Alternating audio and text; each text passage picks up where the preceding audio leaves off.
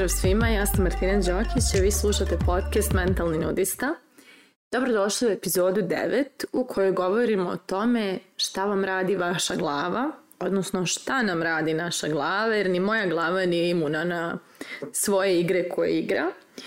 I u ovoj epizodi zapravo govorimo i o našoj potrebi da pokušamo da promijenimo neke navike i o želji da neke, neke dijelove života dovedemo na bolji nivo i o želji da donesemo, da ostvarimo neke svoje ciljeve, ali suma sumarom govorimo o tome šta sve naša glava radi kada mi želimo da uradimo nešto drugačije u svom životu, odnosno koliko nas ona podržava ili bolje koliko nas ona uopšte ne podržava.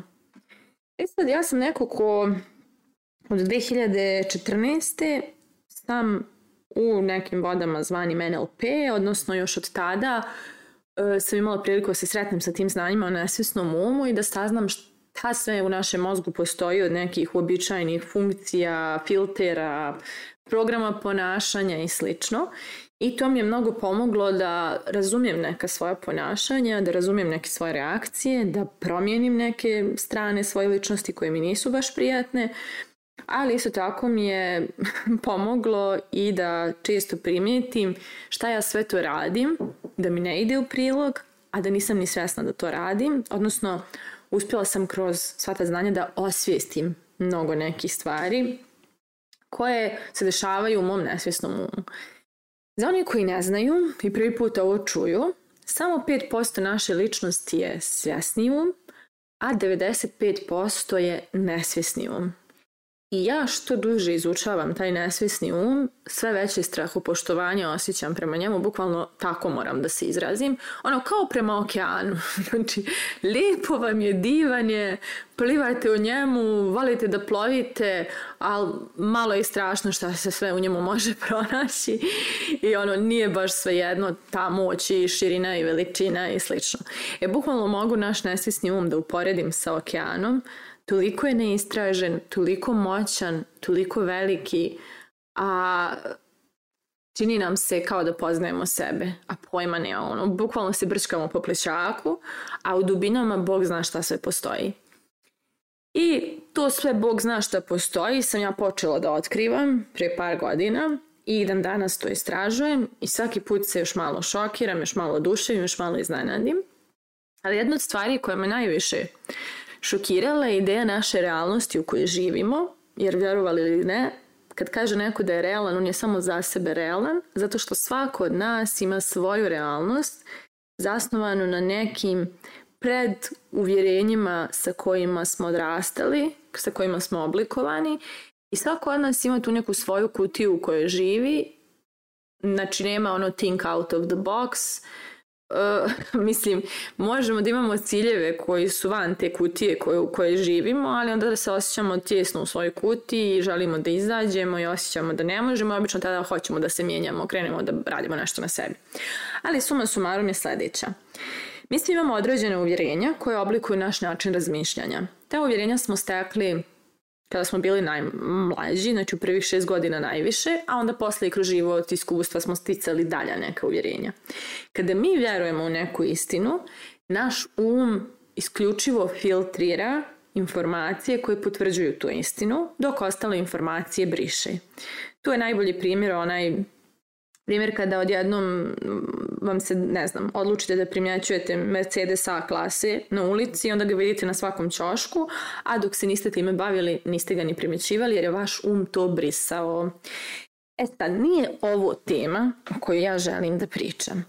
Ja želim da pričam o tome koliko mi svojoj glavi ne možemo da vjerujemo doslovno, Iako se čini da mi kontrolišemo svoje misli, iako se čini da smo mi ti koji određujemo kako ćemo i šta ćemo, u stvari u nama postoji cijeli jedan sistem, jedna mašinerija koja proizvodi određene proizvode, odnosno određene rezultate i ta mašinerija je nabaždarena na određeni način i na određeni način želi da funkcioniše. Kada mi želimo da promijenimo način, odnosno proizvod koji ta mašinerija proizvodi, mašinerija krene da se buni jer nije obučena za proizvodnju tog nekog drugog proizvoda. U ovoj mojoj metafori mašinerija je nesvjesni um, a proizvod su rezultati koji želimo da postižemo. I ovako to funkcioniše. Na kraju ću vam i reći koju knjigu možete da čitate na tu temu. Dakle, mi svi smo tokom odrastanja A s obzirom da ovo slušate na našem jeziku, vi ste Balkanac, a s obzirom da ste Balkanac, mogu da zamislim kako ste odrastanje imali. Ali svi mi tokom odrastanja smo imali određene, određena stanja i emocije sa kojima smo se često nosili. E sad ja kao neko ko je rastao u ratu, tokom rata u Bosni, Emocije sa kojima sam ja najviše funkcionisala su neizvjesnost, nesigurnost, strah i slično, jer je to bilo neko opšte stanje koje se stalno osjećalo.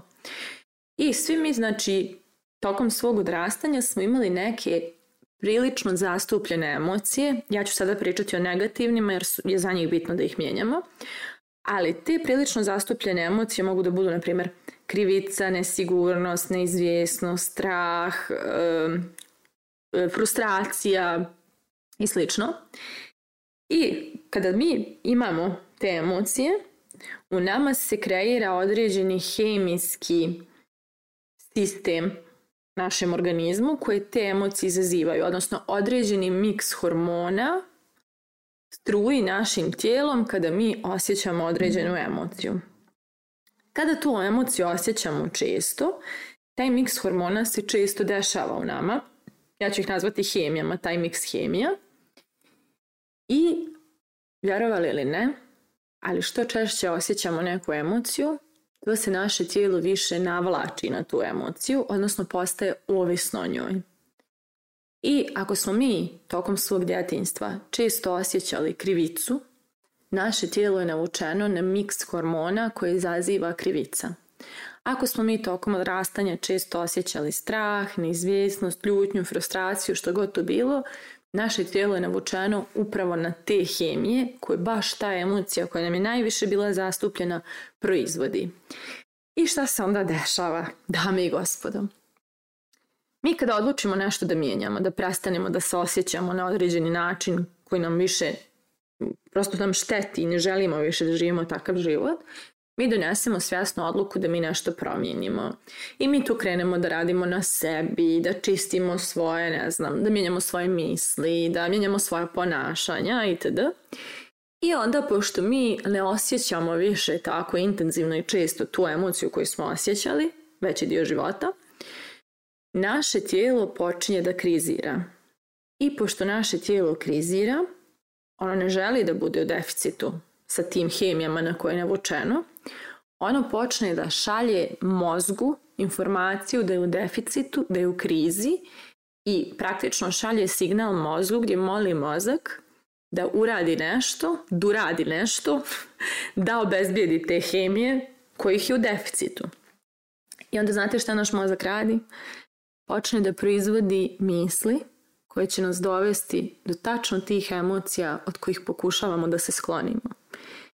I tako naša glava, koja bi trebala da bude naša podrška, zapravo pokušava da potrži naše tijelo da bi ono ostalo u svom pod navodnike balansu, odnosno u onom stanju u kojem je naviklo da bude veći dio života. Tako da mi praktično smo nebitni u toj svojoj ideji da se promijenimo, zato što imamo u sebi cijelu jednu mašinu koja zna koji je njen cilj i čini sve da promijeni taj cilj, da ispuni taj cilj. E, upravo zato, kada želimo nešto da mijenjamo u sebi, u svom ponašanju, u svojim navikama, u svojim rezultatima, bilo kakvim fizičkim, emotivnim, materijalnim, nije dovoljno da to smisleno odlučujemo. Jako je važno da zađemo malo dublje u svoj sistem i počistimo gomilu uvjerenja i programa ponašanja koji će nas nužno vratiti na staro, odnosno dovesti do tog stanja od kojeg pokušavamo da se sklonimo. Potrebno je da novu ideju koju želimo da ostvarimo, vežemo za svoje vrijednosti, za nešto što je jako duboko i važno u nama, da bismo u tome istrajali. O tome najbolje govori kada se neko teško razboli, i da bi ozdravio mora potpuno da promeni ishranu, stil života, ostavi pušenje, na primjer. E tad osoba naviku mijenja kod šale jer je u pitanju nešto jako krupno, znači pitanje života i smrti, mislim ako je dovoljno stalo, jeli? I osoba tada bude spremna da promijeni sve. Ali to je jako dubok motiv koji je dotakao neke jako duboke dijelove našeg nesvjesnog, odnosno naše vrijednosti, naše strahove, naše uvjerenja i tada stara igra koju smo igrali postaje preskupa i ne želimo više da igramo, spremni smo na novu po svaku cijenu. E, upravo je to receptura za promjene koje želimo da postignemo. Da bismo se zaista mijenjali, da bismo mijenjali svoje navike i na kraju da bismo postizali drugačije rezultate, neophodno je da zavirimo dublje, da zaronimo one dubine tog okeana, saznamo šta je tamo, i s tim dijelovima sebe napravimo novi dogovor. Dok god mi to odlučujemo ovako smisleno, mi ćemo konstantno da budemo prepušteni na milost i nemilost našeg tijela i mozga koji imaju svoj plan.